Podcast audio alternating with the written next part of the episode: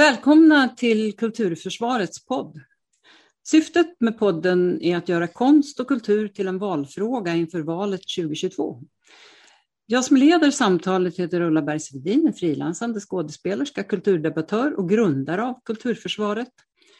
Varmt välkommen till dagens gäst, Robert Oito, ordförande för länsteatrarna i Sverige och regionråd för kultur i Jämtland Härjedalen. Välkommen! Tack så jättemycket! Vem är Robert Oito och vad är Länsteatrarna i Sverige för organisation för den som inte känner till den? Berätta också vad du arbetar med för övrigt, för du har väldigt många järn i elden. Ja, men det finns, finns någon slags linje ändå i vad jag håller på med.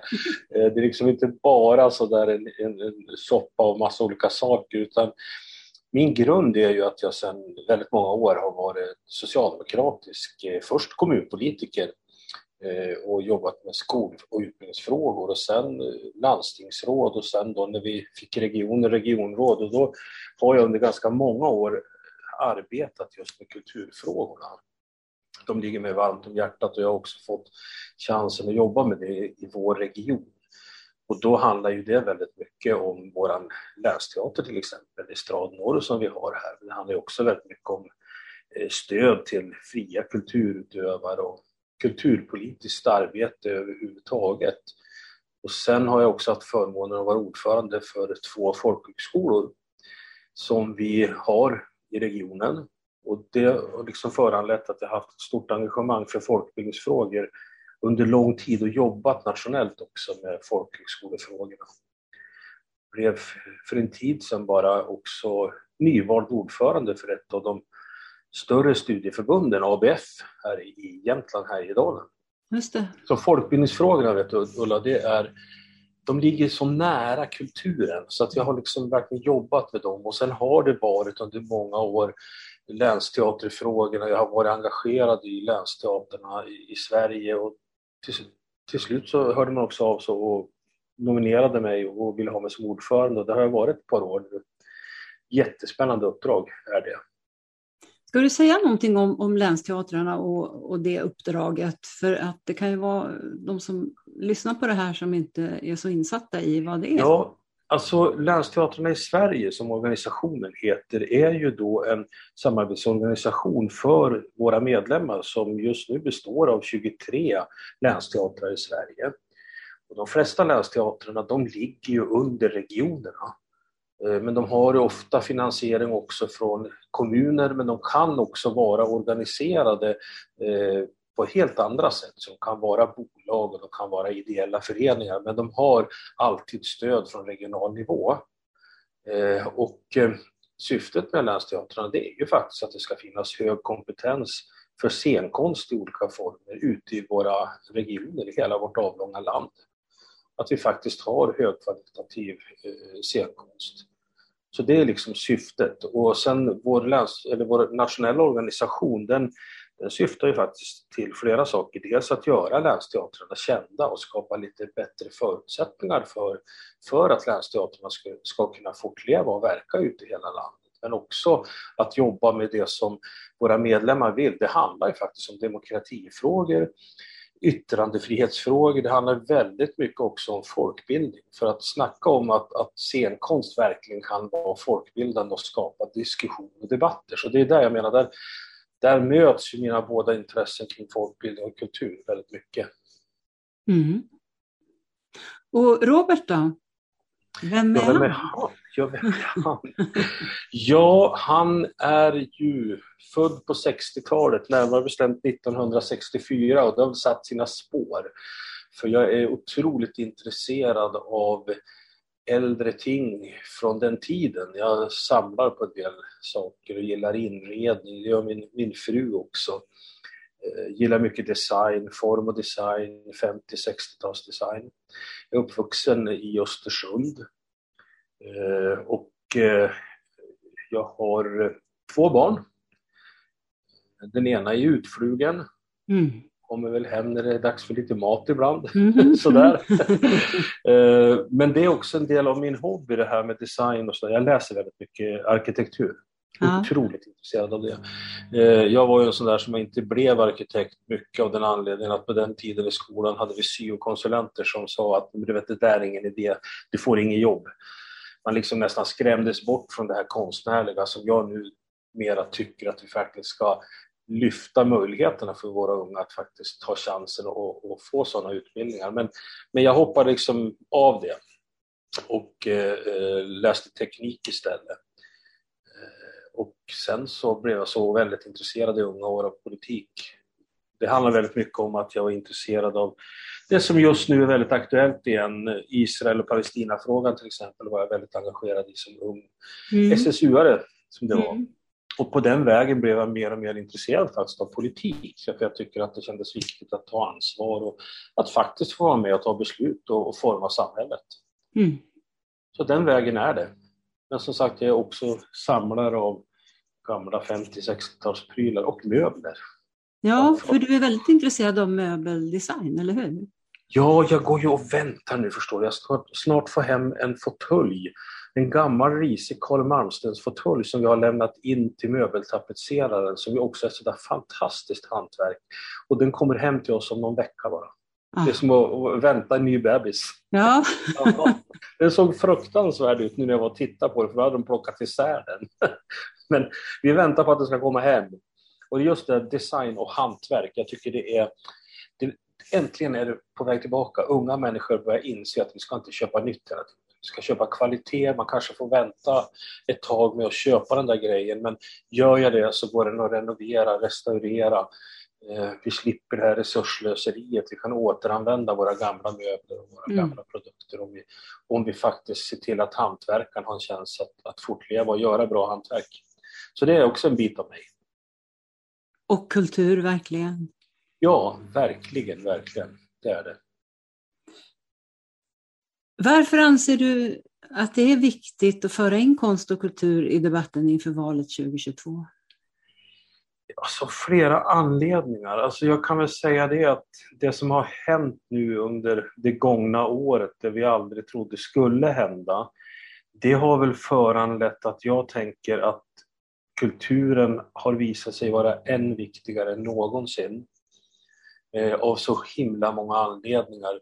Vi kan nästan bortse ifrån kulturens egen värde, för det, det, det, slår vi ju bara fast, det är ju så viktigt. Men det har ju visat sig att det är så mycket annat som, som beror på om vi får till oss kultur eller inte.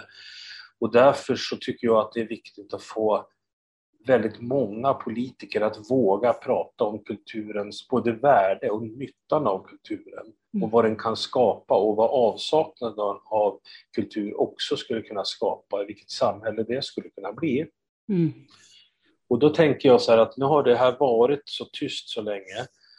Kulturen har liksom fått ta rejäla kliv bakåt i coronan och man har stängt ner så väldigt mycket och det har faktiskt fått konsekvenser redan nu och då tänker jag att då måste fler politiker än kulturpolitikerna få se det, våga debattera och inse kraften i kulturen och att kulturen faktiskt blir en viktig del utav valrörelsen som kommer hos alla partier det vill vi ju vi försöka få till också från länsteatrarna. Vi vill verkligen få partierna att våga prata kulturpolitik inför valet. Mm. Eh, känner du att ni eh, på, på, lokal nivå, eftersom du är lokalpolitiker också, mm. hur, hur, eh, hur får du till det med andra politiker där? Har du lätt att prata med andra politiker om kultur? Det är ju inte alltid så lätt därför att jag, jag har liksom ett sånt här uttryck som jag brukar använda och det är ju att så fort som det handlar om diskussioner mellan olika politiska områden och man ställer kulturen till exempel mot skolan eller mot äldreomsorgen, sjukvården, så blir alltid kulturen en förlorare. Eh, framförallt i tider där man måste prioritera. Mm. Och därför måste man lyfta upp kulturen och visa på vad mer värde det kan ge. Och då skapas ett intresse faktiskt också hos andra politiker. Jag märker när man börjar prata om att vet, den där teaterföreställningen den drar till sig så många människor utifrån som stannar ett dygn extra i den eller den kommunen eller här hos oss i, i Östersund. Att vi faktiskt också tjänar hotellnätter och handlarna får sälja. Det finns liksom ett, ett värde runt själva kulturarrangemanget som ger ett mervärde för en kommun. Och när man börjar föra den diskussionen då kommer man lättare in bland andra politiker för att samtala om den här frågan och då kan man ju gå vidare sen och, och börja prata också om kulturens egenvärde och kraft i kulturen vid sidan av att man, man kan tjäna pengar på det. För, för det finns ju alltid ett sådant intresse tyvärr. Men, det, men det, det, det, är ett sätt att komma in i, i, diskussionen med de som har ansvar för andra politiska frågor. Mm. Jag vet att eh, du uppskattar att eh, teatercheferna ingår i styrelsen för länsteatrarna och jag vet också att du är väldigt uppskattad av cheferna som sitter med i styrelsen för att du är aktivt stöttande. Vad är det som har varit de svåraste utmaningarna som du har upplevt det nu under pandemin? Ja, för det första är det ju väldigt bra att de sitter med oss i styrelsen. Vi har ju i våra stadgar att, att vi väljer in fyra eh, teaterchefer också. Och det ger en väldig dynamik mellan oss som är kulturpolitiker och de som är professionella mitt i, i arbetet där vi liksom kan ge och ta och lära av varandra. Vi kan lära politikens förutsättningar och de kan lära oss villkoren för hur man skapar bra scenkonst och vilka förutsättningar man behöver. Och genom att vi har haft det här nära samarbetet nu och vi har haft ständiga uppdateringar oss emellan så, så har det ju blivit att det har handlat väldigt mycket om finansiering förstås. Mm. Och det är ju det är så stor skillnad mellan våra teatrar. Några av våra länsteatrar de klarar sig väldigt bra därför att de ligger direkt under en region och har kanske inte speciellt många anställda som är fast anställda, det vill säga kostnaderna är detsamma. Det de möjligtvis förlorar är ju eventuella intäkter medan andra utav våra medlemmar är teatrar som faktiskt drar in väldigt mycket av finansieringen själva. Vi har teatrar som faktiskt eh, egenfinansieras genom att de drar in de här pengarna på olika sätt upp till 70 procent. Och de har ju haft enorma problem med tapp av alla de pengarna och, och man måste göra av sig av med personal och man kan inte anställa tillfälligt personal heller, frilansare blir drabbade. Så det har ju varit väldigt, väldigt mycket det. Och sen vid sidan av det har det ju, alltså det har ju varit ganska otydligt från vecka till vecka vilka regler som ska gälla och hur ska man överhuvudtaget klara av att planera en teaterföreställning om man inte vet om det är fem eller 50 eller noll som får sitta i publiken nästa månad. Så väldigt mycket sådana samtal och vi har hjälpt till med väldigt mycket uppvaktningar utav våra politiker för att också få loss pengar och stötta eh, både scenkonsten och sen samarbetet faktiskt också med andra konstarter för att, att verkligen få regeringen, som jag tycker ändå har förstått det här, eh, att vara med och finansiera så att man faktiskt klarar av att överleva den här perioden. Så det har varit mycket ekonomisnack och det har varit väldigt mycket snack kring, kring otydlighet i reglerna hela tiden. Här. Men eh, du ser ju ändå med oro på kompetenstappet inom konst och kultur och kanske främst då scenkonsten som pandemin för med sig och inte minst för er i regionerna. Kan du berätta om vad det är du ser? Ja, alltså vid sidan av det här som vi egentligen skulle kunna prata mer om, det, det vill säga demokratitappet, så är det ju kompetenstappet. Därför att eh, när det går så långt att länsteatrarna inte längre kan eh, anställa och kontraktera eh, frilansande skådespelare, scenografer, ljustekniker, ljudtekniker, alla de som faktiskt eh, finns hos oss på korta eller långa kontrakt, ja då står ju så många frilansande konstnärer helt utan arbete. Mm. En väldig utsatthet, så till den milda grad att, att vi har fått till oss exempel då på både tekniker och scenografer som har gett upp.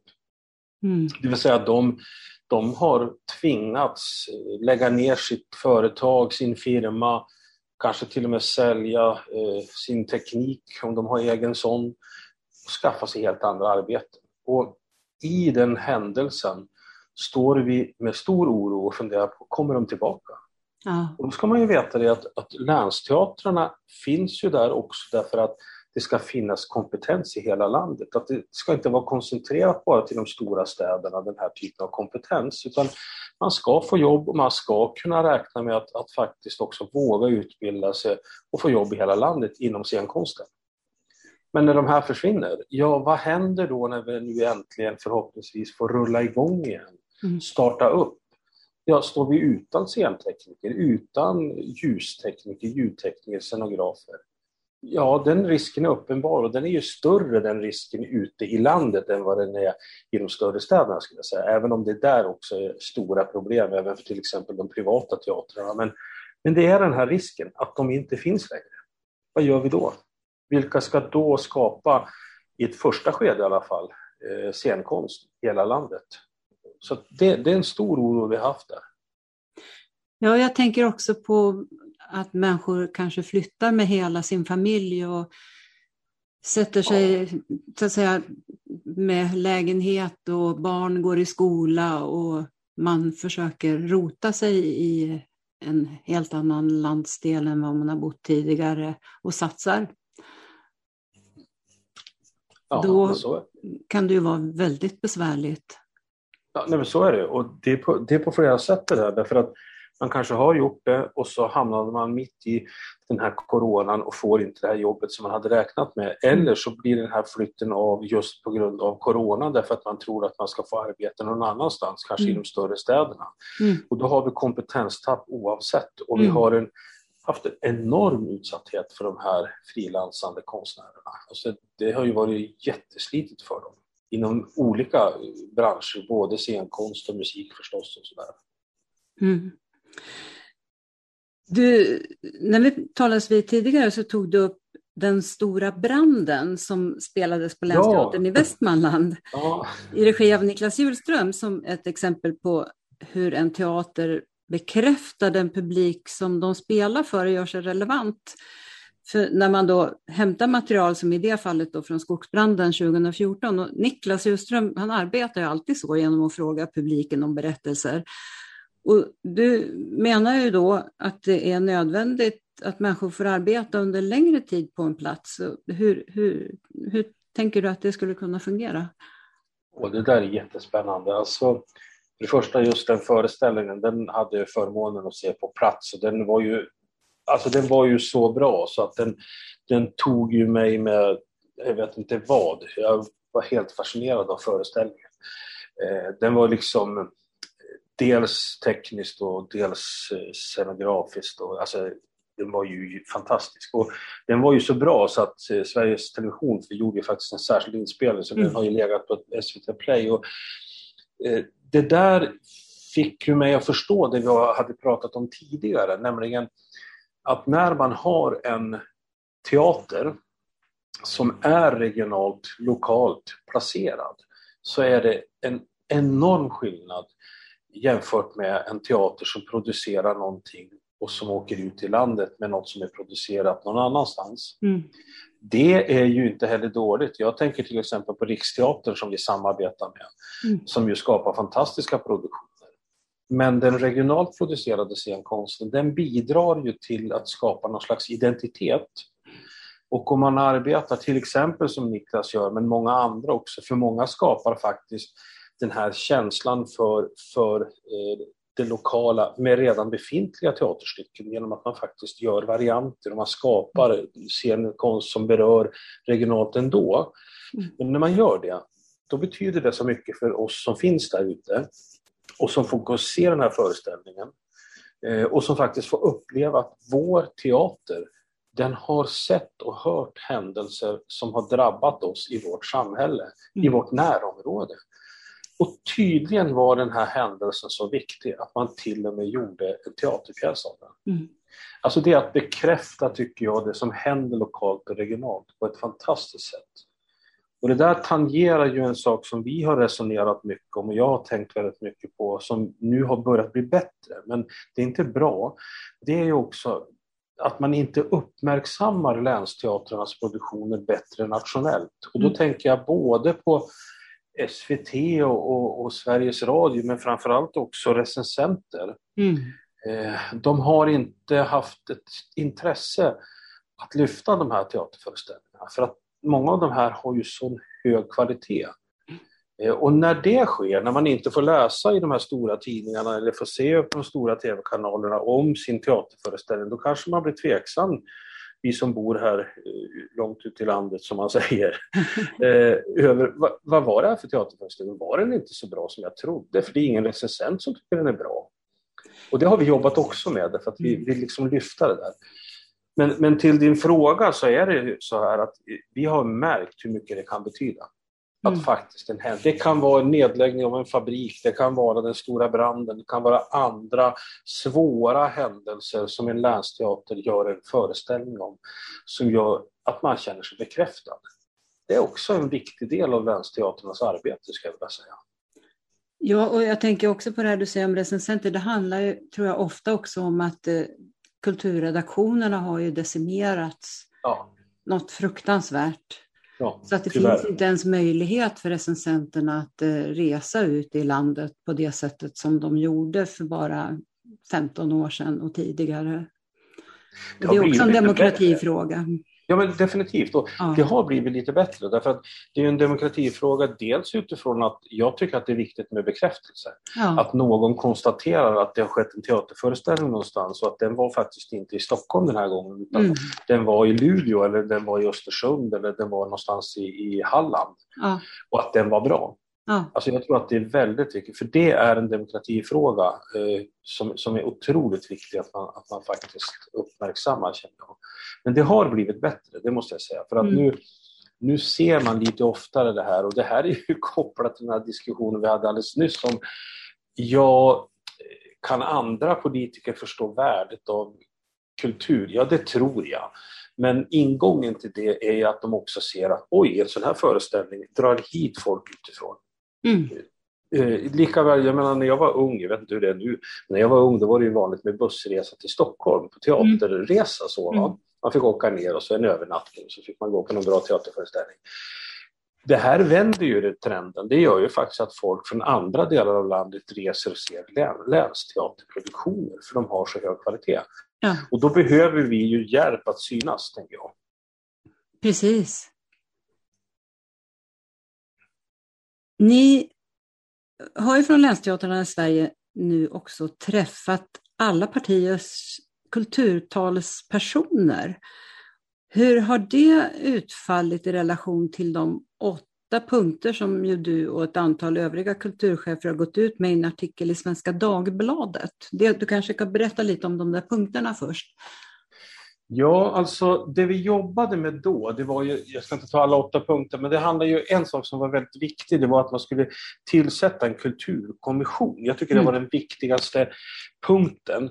De andra handlar ju om finansiering och det handlar om, om andra typer av stöd och så vidare som är mm. också jätteviktiga. Men just den här kulturkommissionen, därför att det handlar ju om att man måste samla upp frågan kring kulturen, synliggöra den, fundera på hur ska man jobba framåt vi har ju också gjort utspel där som handlar om att man faktiskt ska på något sätt märka och skydda kulturen mm. på samma sätt som man gör med, med saker som man idag kallar som, som viktiga samhällsnyttiga delar. Det är skolan, det är sjukvården, det är äldreomsorgen och sådär. Och i skenet av det så måste jag säga att även om man hittar likheter mellan de flesta riksdagspartierna så är det också en hel del stora skillnader. Mm. Eh, ett av våra krav var ju att, att tillsätta mer pengar. Mm. Och där kan jag säga att när vi uppvaktade eh, kulturutskottets samtliga partier så var det väl ingen som vågade åtminstone säga att man inte ställer upp på mer pengar till kulturen. Mm.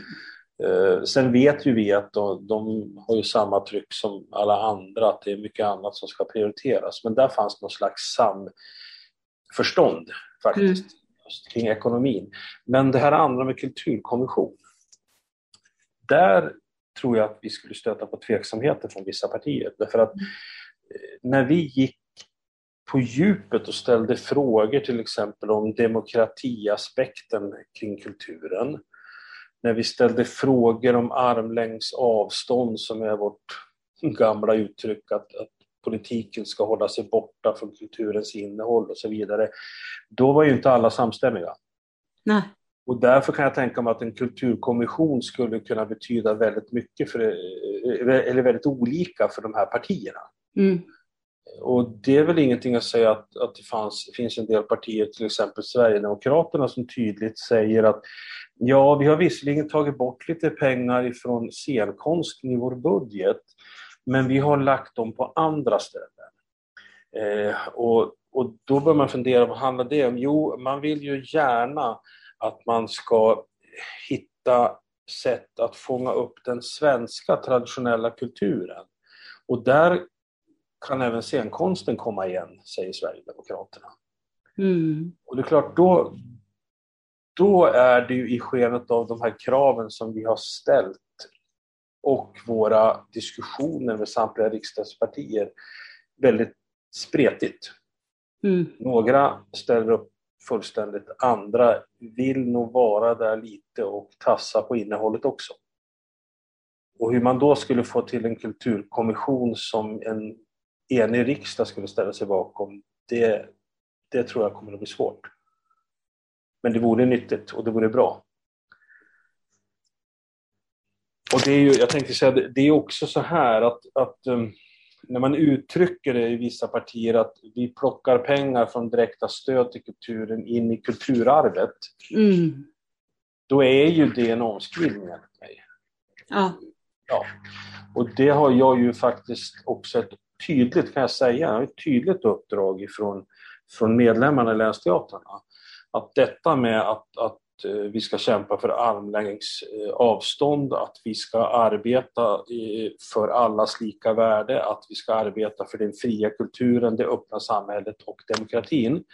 Det är ett tydligt uppdrag till oss i styrelsen i länsteaterna, så därför reagerar jag förstås över den här de här omskrivningarna som egentligen betyder något helt annat, som, som handlar om att kulturen inte alltid ska få göra allt det kulturen vill göra. Eh, så känns det. Och då kanske en kulturkommission inte är görlig heller om alla partier ska vara med. Men det är, det är en spännande ta tanke. Ja, det är det ju verkligen. Eh, för att idag så är ju biblioteken har ju det här skyddet redan. Ja. Och jag kan ju känna en oro för att det skyddet också ligger i farozonen. Mer tvärt att det skulle bli ett utökat skydd om vi hamnar i en situation där kulturen blir kanske en förhandlingsvara i fråga om andra saker. Och då beror det ju på hur många som står upp just för kulturen. Ja, alltså det där är ju det, det, är inte bara biblioteken, bara scenkonsten och egentligen inte bara kulturen därför att det är fullt jämförbart med journalistiken och, och rättsstaten också ja. därför att vårt andra krav bland de här åtta punkterna var ju exakt det du var inne på nu, det är att skydda kulturen. Mm. Alltså kulturkommissionen vill att, eller vi vill att den här kulturkommissionen ska få ett uppdrag faktiskt att skapa någon slags rättsligt skydd Mm. Och då handlar det om den här avståndsprincipen, att den ska vara säkerställd. Och att man liksom ska se, se över också hur politiken egentligen kan få en mer central plats inom andra politikerområden, det vi nyss pratade om. Mm. Men det är just den här avståndsprincipen som vi, vi trycker hårt på, som handlar om att skydda kulturen. Så är det. Och där är det också, det är flera som jag intervjuat har varit inne på att vi pratar om armlängds avstånd när det gäller er som är politiker då, men det är oftast inte ni som skriver de här planerna eller kriterierna för att vi som är konstnärer ska få anslag till exempel. Och när det gäller tjänstemännen så finns det inget armlängds avstånd. Hur tänker du kring det? Nej, men det är nog riktigt och där är ju ansvaret desto större på oss som är politiker därför att eh, tjänstemännen är ju ändå ytterst ut, om vi tittar på en kommun, region eller i staten så är de ju faktiskt anställda, har uppdrag av politiken. Eh, och det har jag sett också eh, på många ställen när jag samtalar med mina politikerkollegor eh, kring kulturpolitiken, att det är väldigt många kommuner inte minst, man backar, politiken backar ifrån sitt ansvar eh, därför att man tycker det här är svårt. Eh, och så låter man tjänstemännen utöva det här och får därmed en egentligen odemokratisk makt. Mm. Eh, och då skulle liksom det här kunna vridas åt vilket håll som helst om inte politiken vågar säga ifrån. Eh, så att därför är det nog viktigt att vi tillsammans som har det kulturpolitiska uppdragen stärker varandra och faktiskt inte låter det här styra iväg på ett sätt så att det är tjänstemännen som väljer vad, vad som ska göras i politiken. Jag är otroligt noga med att, att vi faktiskt också i den offentligt finansiella, eller finansierade eh, kulturen har en, ett fritt utövande. Där finns ju en annan diskussion. Liksom. Ska, ska skattefinansierad konst få göra precis vad den vill? Nej, tycker en del, därför att eh, man kan inte låta vad som helst hända med skattepengar. Jag tycker andra. Mm. När det gäller eh, konst som är finansierad på annat sätt, kanske via företag eller sådär, ja, då, då säger man i argumentationen, ja men det är något annat. Där kan, där kan den fria kulturen få verka, eller en ofinansierad kulturutövande, det, det kan vi ju inte göra någonting åt. Så det finns ju en sån diskussion också. Hur mycket ska offentligt finansierad konst egentligen få göra? Och mm. vad ska de få göra? Enligt min mening precis vad som helst. Mm. Inom lagens ramar förstås. Ja. Självklart. Ja. Så att det, det, där är en viktig fråga. Jag, jag, sa att just Kulturkommissionen var det kanske viktigaste, men det där är tillsammans med Kulturkommissionen så är skydda kulturen kanske den allra viktigaste frågan på de krav som vi har ställt eh, i de här punkterna, eller de förslagen vi har. En, en annan sån här fråga som diskuteras eh, rätt mycket, det finns ju krav från högsta politisk instans gentemot chefer på kulturområdet på ett breddat kulturliv. Men det är ganska svårt att rekrytera från socioekonomiskt utsatta områden, både svensk arbetarklass och människor med utomnordisk bakgrund till de konstnärliga utbildningar. Och jag vet att du har tankar kring det. Ja, alltså det har jag haft länge, men det, det blev ju helt plötsligt en diskussion. Ett antal debattörer också började, började säga att eh, hur fri är egentligen kulturen eh, när en kulturarbetare har gått en mångårig utbildning som på något sätt även den likriktar lite grann och lite grann berättar för studenten vad kultur är och ska vara. Till skillnad från de här autodidakterna som ja, dessvärre blir allt färre nu när man liksom har någon slags krav på högskole och universitetsutbildning för konst också. Jag säger inte att det är fel, utan jag säger att vi måste tänka oss för. Därför att eh, det skulle ju kunna betyda att eh, eh, det är bara en viss typ av konst som blir accepterad i samhället, nämligen den konsten i första hand som kommer ifrån högt utbildade utövare. Och då kan man ju fundera sig, vilka är de då? De här högt utbildade utövarna? Ja, de är enligt min mening inte alltid vem som helst många av dem kommer ifrån ganska trygga förhållanden, det vill säga att de vågar sätta sig i skuld, ganska stor skuld med studieskulder, eh, för att sen riskera att komma ut i arbetslöshet som kulturarbetare. För risken är ju uppenbar och den har ju varit särskilt stor och är särskilt stor just nu. Och då betyder det att ja, men då är det ju en viss kategori människor som har redan en ekonomi som klarar det. De andra som inte har den ekonomin, de, de måste ju rannsaka sig själv. Törs jag låna de här pengarna?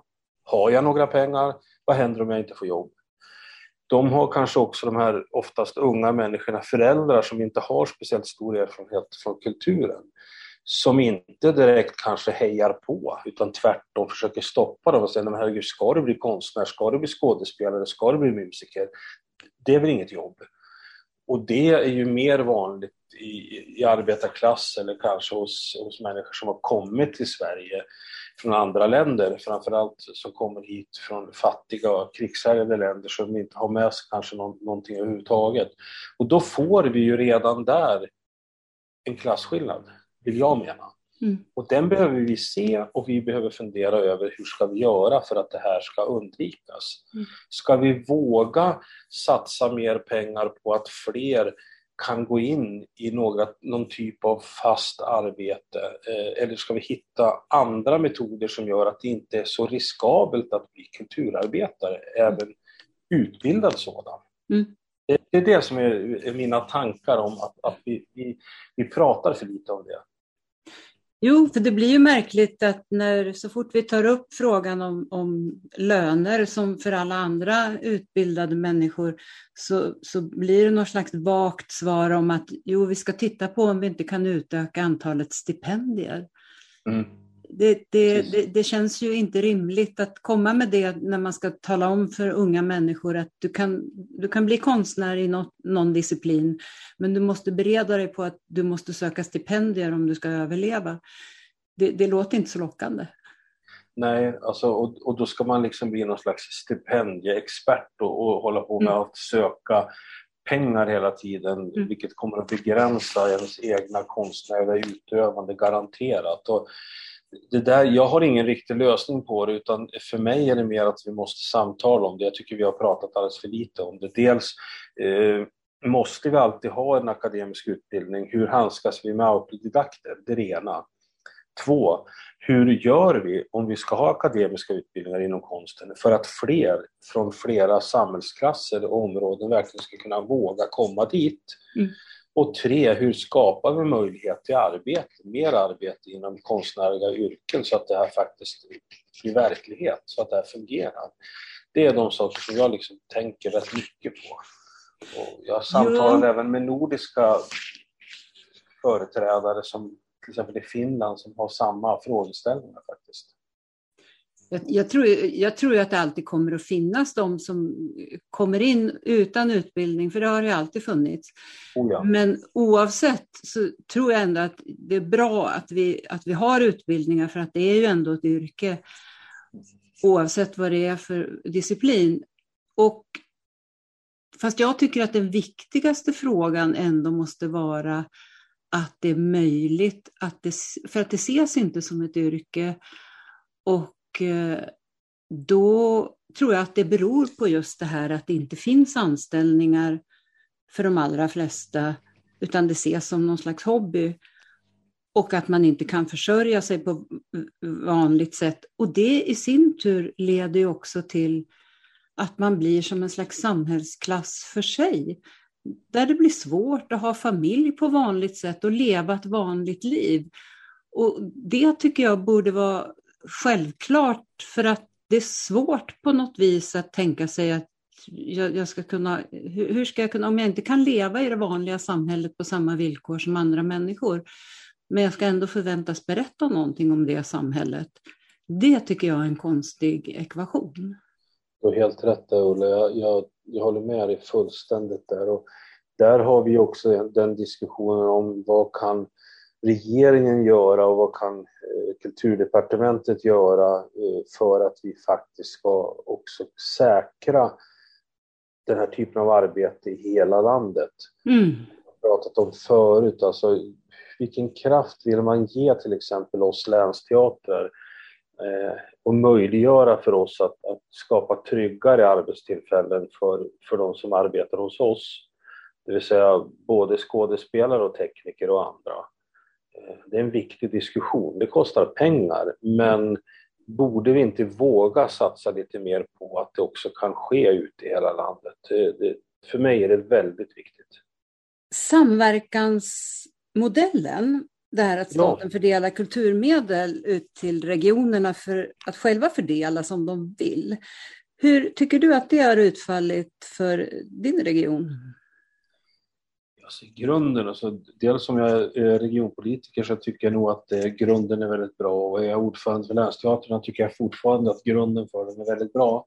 Därför att den har ju i positiv bemärkelse tvingat eh, kulturpolitiker i regionerna eh, att komma ut och samtala med eh, organisationer, kulturarbetare, eh, folkhögskolor som ju levererar väldigt mycket kultur och många, många andra. Eh, när man sen ska skriva sina, sina program, sina regionala kulturprogram eh, och sen fördela de här pengarna man får. Eh, så, så grunden är ju väldigt bra. Det som har varit problemet hos oss och, och faktiskt på många andra ställen är ju ekonomin. Mm. Då är vi tillbaka till det där som vi pratade om nu, att ha råd att faktiskt anställa kulturarbetare. Det har ju blivit ett gap. Och från första stund när den här samverkansmodellen startade, skapades, så gick man ju in med, med värden på, på löner som var för låga. Och sen så har det här hela tiden ökat det här gapet. Så att statens bidrag via den här modellen till det som är både lokalkostnader och lönekostnader, det har liksom procentuellt minskat och det är regionerna i första hand som fått tagit sina pengar för att se till att man åtminstone har hyfsade löner som kulturarbetare. Men de ska också ha en löneutveckling. Mm. Ibland tror man ju inte att, att man ska det, utan det är något slags ideellt arbete. Våra kulturarbetare ska faktiskt kunna leva på sin lön. Mm. Och då har det blivit mer och mer eh, lagt på, på budgeterna för regionerna, vilket ju i sin tur har förorsakat att man anställt färre, mm. eh, att man faktiskt riskerar att få krympande skara som jobbar med kultur ute i regionerna därför att lönerna ökar men intäkterna från staten är inte alls i paritet med den löneökningen. Och det gör ju i sin tur ännu mer skillnad därför att de stora starka regionerna som själva kan lägga in väldigt mycket pengar, de, de är inte lika lidande som, som mindre regioner, både i, i södra Sverige och norra Sverige, som inte klarar av att, att prioritera fram ytterligare pengar till kulturen. Så att kvaliteten och möjligheten att faktiskt jobba med kultur kommer att bli sämre i de små regionerna jämfört med de stora om, om vi inte gör någonting, om staten inte gör någonting kring det här glappet. Man måste följa med löneutvecklingen helt mm. Det är en del i tanken att vi ska kunna ha kultur i hela landet. Och den här, den här delen i den här samverkansmodellen, den ligger verkligen efter. Där är jag jättekritisk. Det står ju i det här betänkandet kring den konstnärspolitiska utredningen så står det om att man ska stärka möjligheterna för konst och kultur i hela landet. Tror du att det kommer att ha någon positiv påverkan? Ja, den har ju den påverkan att, den är, att, det, att det blir skrivet. Ja, så att ni kan där. kräva utifrån det. Ja, precis. Alltså det står där och ja. det, bety måste betyda någonting. Och det, det, är någonting för oss att hänvisa till. Vi mm. tar ständigt upp det här. Och och jag vet att många av våra riksdagsledamöter och, och, även folk i regeringen gör så gott de kan. Men det här är också en fråga som berör andra än kultursektorn. Det berör ju den finansiella sektorn och finansdepartement och andra. De måste också förstå att det här är ett konstaterande att, att vi måste jobba åt det här hållet. Mm. Eh, och det är ju en fråga som vi bär med oss hela tiden och vi samverkar jättemycket med den, till exempel med våra länsmuseer, deras nationella organisation och den regionala musikens nationella organisation. Vi tre, alltså länsteatrarna och, och de, det här är en av de frågor vi ständigt jobbar med faktiskt. Men er, ni har ju skrivit i de här punkterna att ni vill att det kulturen ska komma in även på andra politikområden. Det här ja. skulle ju kunna vara någonting för de som sysslar med landsbygdsfrågor till exempel. Helt rätt. Och vi, vi hade faktiskt eh, träff med landsbygdsministern i, i fjol, innan coronan. Eh, mm. Eh, och det var, det var syftet. Och, ja. eh, vi har nu i länsteatrarna börjat bjuda in oss till andra politikerområden. Vi kommer att träffa näringsdepartementet om några ja. dagar. Eh, vi kommer att träffa utbildningsdepartementet ja. och statssekreterarna på båda de ställena därför att för näringsdepartementet kommer vi att redogöra för nyttan för kommuner och regioner att det finns eh, regional kultur. Och då är det mer både samhällsnytta men den ekonomiska nyttan också som vi vill ja. lägga i bevis. Och för utbildningsdepartementet kommer vi att prata väldigt mycket om hur mycket vi betyder för barn och ungdomar när vi gör barn och ungdomsteater, både till skolor och förskolor och så vidare. Så mm. Vi försöker nu komma in på andra politikerområden för att lyfta nyttan av regional kultur. Jag tror att det är jätteviktigt att, ja. att även de politikerna är med på banan. Ja, det, det, det, låter väldigt spännande att se vad, vad det kan leda till. Ja, absolut. Och sen vet vi, jobbar vi också tillsammans nu med museerna och med regionala musiken i det här stora eventet Folk och kultur. Mm eh, som ju går av stapeln varje år i Eskilstuna. Vi siktar på 2022 nu då. Mm. Eh, och där försöker vi också samla andra politiker än de som är uppenbart är kulturpolitiker för att de ska få komma på plats och se vad, vad kulturen i Sverige faktiskt betyder. Ah. Så det, det gäller att ligga på kring just den där frågan och sprida kunskapen hos fler och fler. Och det gäller att boka in dem nu så att de inte kan säga att de är upptagna. Nej, vi, vi ligger på dem. vi ligger på dem. Du eh, har ju varit och är fortfarande ordförande för EU-fonderna i norra Sverige. Hur har det bidragit till konsten och kulturen som du ser det? Ja, men det har det gjort faktiskt på många håll. Eh, jag har ju hållit på med EU-frågor väldigt länge och jag var en av dem som väldigt tidigt gick ut eh, och sa att de här fonderna faktiskt också måste få ha betydelse för kulturen och utvecklingen och stödet till kulturen. Eh, det var inte alldeles enkelt eh, från början när vi började jobba med det här därför att det fanns många krafter som sa att kulturen i sig kan inte vara stödbar med EU-pengar, vilket visade sig vara helt felaktigt, för det var den. Och hemma hos oss till exempel, där jag är ordförande fortfarande, så gäller det området, det är Jämtlands län och det är Västernorrlands län. En av de stora satsningarna som vi kunde genomföra, det var ju faktiskt eh, Nationalmuseum, eh, Jamtli.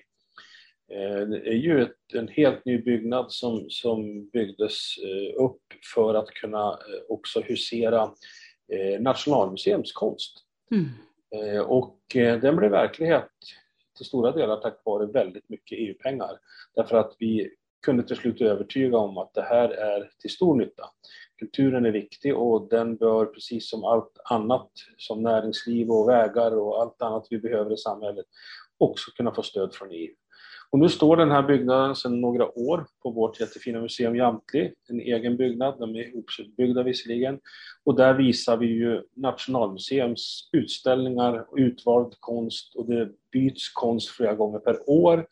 Eh, otroligt lyckat, välbesökt, alltså, så att det går att göra skillnad även med EU-pengar och skapa eh, någonting för kulturen. Det känns jätteroligt. Ja, och ni kan också ni kan, ni kan få det fortsatt finansierat även efter EU-medlen är slut. Ja, och där är ju Nationalmuseum med mm. i detta nu då. Så att det är ju som en slags, kan vi säga, filial för Nationalmuseum inom ramen för vårt museum Jamtli. Så att eh, staten finns ju med där. Mm. Det är fantastiskt. Ja, det är fantastiskt. Tänk dig att få gå och titta på de här tavlorna. Ah. Och våra barn och unga kan få se tavlor som de faktiskt har sett i, i skolböcker och sådär och se att det är så här de ser ut, så här stora är de. Det är ah. en fantastisk känsla faktiskt. Ja. Du har sagt att du tycker att pandemin har tystat samtalet. Kan du utveckla det? Ja. Alltså jag kände någon gång sensommaren i fjol Alltså det bara kom över mig så här. Det, fram till dess hade det varit mer skydda mig och jag vill inte bli sjuk och allt det där. Men det var så tyst liksom. Och jag börjar liksom se när jag läser nationell press eller lokal press vad lite kultur det liksom skrevs om. Och det var uppenbart att jag hade inte varit på någon konsert på ett halvår, ingen teaterföreställning. Eh, Ingen debatterade konst, liksom, för ingen hade fått se konst live. De kunde inte gå på museerna, i princip inte gå på andra konstutställningar heller. Och det var då jag insåg vad tyst det var. Och den där tystnaden, den börjar ju jag att känna mer och mer också var ett hot, inte bara för att jag eller vi alla inte kunde få kulturupplevelser, utan också för att det var ett hot mot demokratin. Och det är först då, när, när den där tystnaden kom, som vi började inse vad en teaterföreställning, vad en konsert, vad en konstutställning egentligen också kan betyda förutom själva upplevelsen, nämligen samtalet. Alltså det där snacket man har när man går tillsammans och tittar på konst. Man blir irriterad, man blir arg, man blir glad. Precis som konst ska vara, det liksom bara berör en. Eller en teaterpjäs som ställer frågetecken eller ställer saker upp och ner så man tänker, men vad är det här? Och man, man reagerar och man måste få prata av sig. Och det blir till en debatt och en diskussion om, om saker som sker i samhället. Och, och då bör man förstå att tystnaden, avsaknaden av kultur, är också är ett verkligt hot mot vårt samhälle och vårt öppna samhälle. Och det har ju liksom inspirerat mig till att, att verkligen lyfta kulturfrågorna inför det kommande valet. Och den här tystnaden, den har ju också i vissa länder och faktiskt också i Sverige, den tystnaden har ju liksom tillkommit ibland av politiska beslut. Mm. Det ska vi ju veta att, att det är ingen slump att vissa utställningar, vissa museer stängs i vissa europeiska länder där, där man inte är så stark förespråkare för öppenhet och demokrati. Då tystar man kulturarbetare, det är bekvämt och så skyller man på Corona. Mm. Vi har ju också gjort det, men inte av samma syfte. Vår regering har ju faktiskt också tystat kulturen genom att man har gjort alla de här begränsningarna. Nu ska ingen tro att vår regering har gjort det av något annat skäl än att faktiskt skydda människor från sjukdom. Men konsekvenserna av det måste vi också i Sverige förstå. Mm. Att när coronan har lagt locket på så har den också bidragit till minskad debatt, minskat samtal och därmed minskad demokrati. Även i vårt land faktiskt. Så att det, det, det, måste vara med oss och då, då krävs det, liksom, vi har något underskott nu av både demokratiunderskott och kulturunderskott. Vi måste liksom göra någonting känner jag. Så är det. Ja, och jag tänker just på när det gäller övriga politiker, för jag tror att eh, kulturpolitikerna i vanlig ordning, för de brukar ju ha ungefär samma insikter som vi som arbetar inom kulturen har. Men jag hoppas att övriga politiker också förstår hur kreativt kulturområdet, konstområdet har varit. På samma sätt som man alltid är. Man ställs alltid inför problem att lösa och oavsett vilka de problemen är så hittar man förr eller senare lösningar. Och här har det varit så ohyggligt kreativt. Och tänk om vi inte hade haft de här möjligheterna som vi ändå har nu. Och om inte biblioteken hade packat bokkassar och kört hem dem till folk eller att man hade gjort de här föreställningarna som hade varit streamade eller om vi hade haft, inte hade haft den där möjligheten som vi har nu med alla kanaler och Netflix och allting så att vi hade fått till oss det här och att vi hade till och med kunnat titta på konst på nätet. Tänk hur tyst det hade varit då. Alltså kreativiteten, nu är ju, nu är ju våra konstnärer i alla dess former kreativa men jag måste ju ändå också imponeras över länsteatrarnas kreativitet. Ja. Här. Alltså, jag blir så glad. Eh, det kan aldrig ersätta en riktig teaterföreställning. Alltså det direkta mötet mellan, mellan skådespelarna och publiken, den liksom, det går inte att beskriva, den, den är bara något speciellt. Men, men att kunna se teater hemma på TV, mm. streamad teater, alltså ibland direktsänd, ah. ibland inspelad. Ah. Och så sen en hel del andra kringevenemang. Mm. Eh, Västmanlands teater som, som körde soppteater. Ja. man kunde boka en biljett och så kördes det hem soppa. Ja. Så man kunde ha, se, se teater och äta soppa, soppteater hemma. Ja.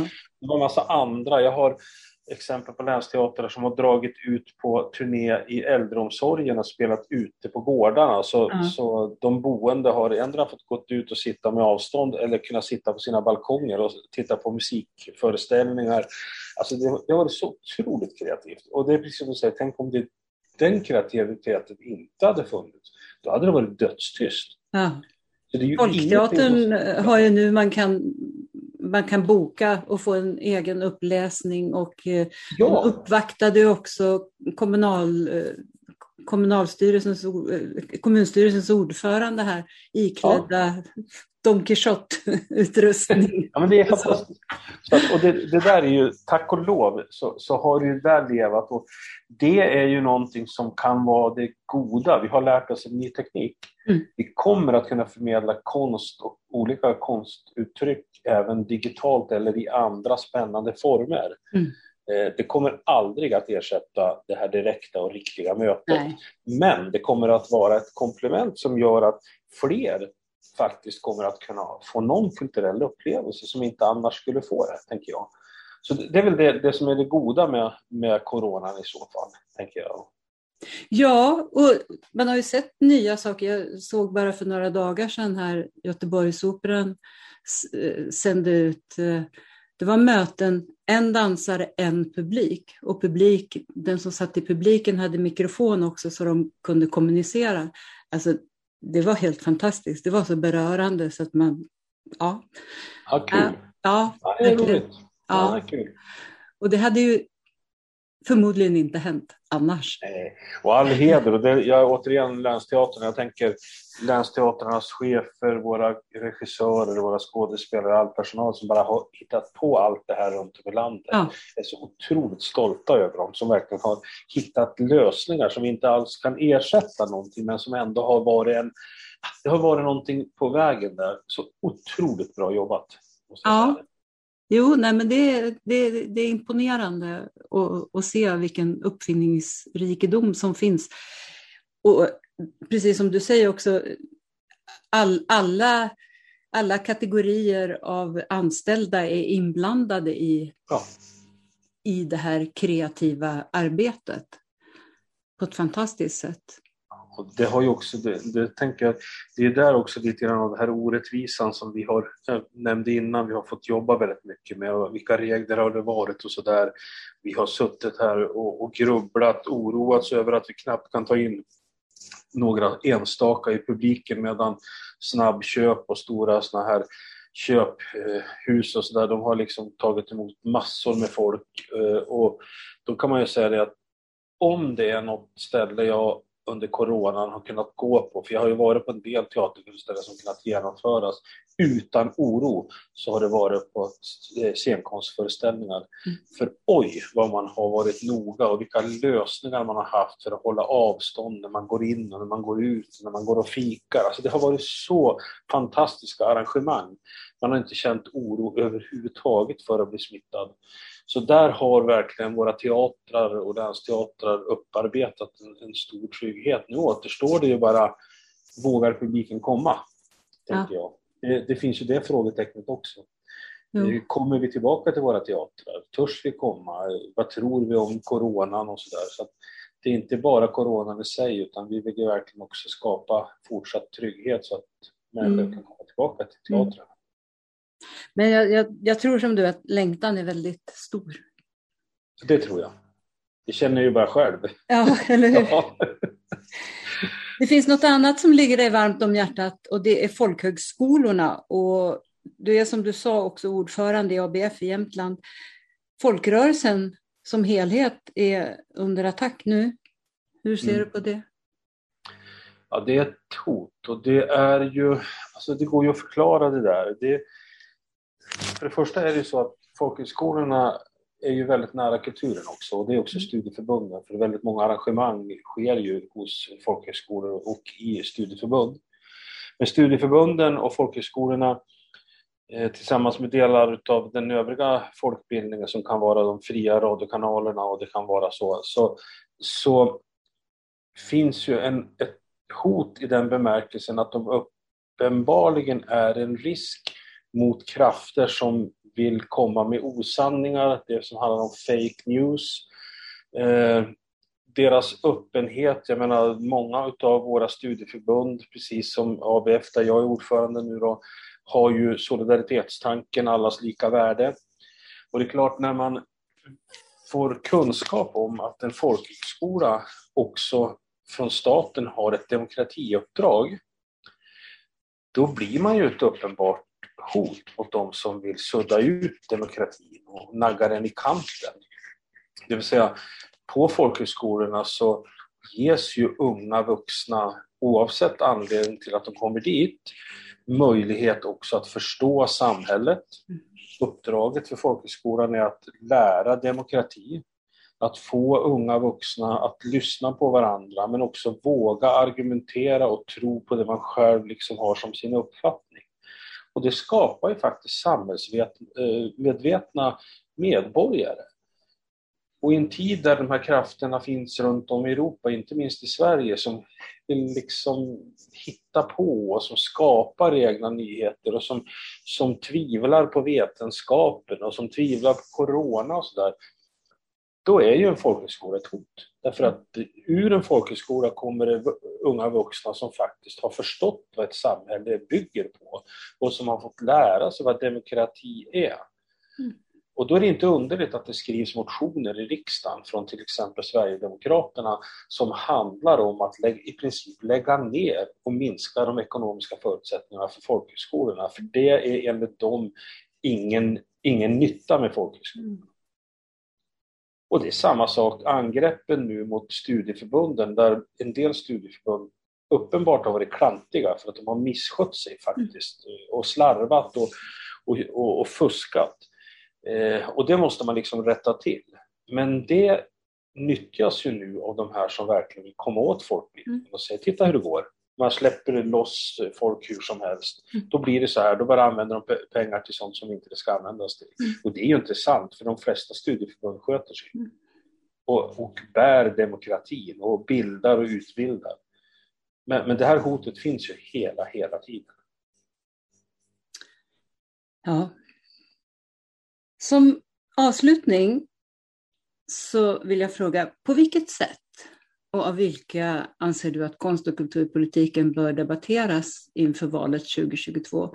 Så att det som står nu i alla de här vackert formulerade kulturplanerna blir tydligt. Att konst och kultur är viktigt för såväl samhälle som medborgare. Alltså, vi har ju varit inne på det förut. Jag skulle ju vilja att eh, vi hade politiker som jobbar med tekniska frågor, utbildningsfrågor, som jobbar med sjukvårdsfrågor, också vågar eh, gå upp i debatten kring kulturen.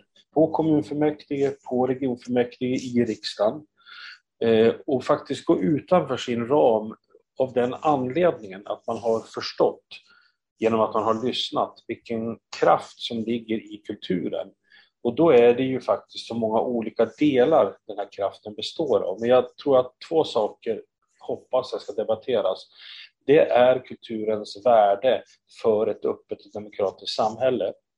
Och det är ju så aktuellt, så att det borde inte vara svårt att få Eh, politiker att diskutera det. Jag menar den här diskussionen om hur samhället och demokratin naggas i kanten hela tiden och hotet mot demokratin, den, den pågår ju. Och lyfter vi då in politiken som, som en motkraft till det där så borde det vara intressant att debattera. Det andra är ju faktiskt att vi ska våga, för jag tycker inte det är fult eh, som kulturpolitiker heller, att prata om den ekonomiska nyttan av kulturen. Det vill säga att den faktiskt eh, skapar intresse, attraktionskraft för en lokal eh, teateruppsättning eller någon musikuppsättning. Det drar människor till en ort, till en bygd. Det skapar arbetstillfällen och det skapar intäkter.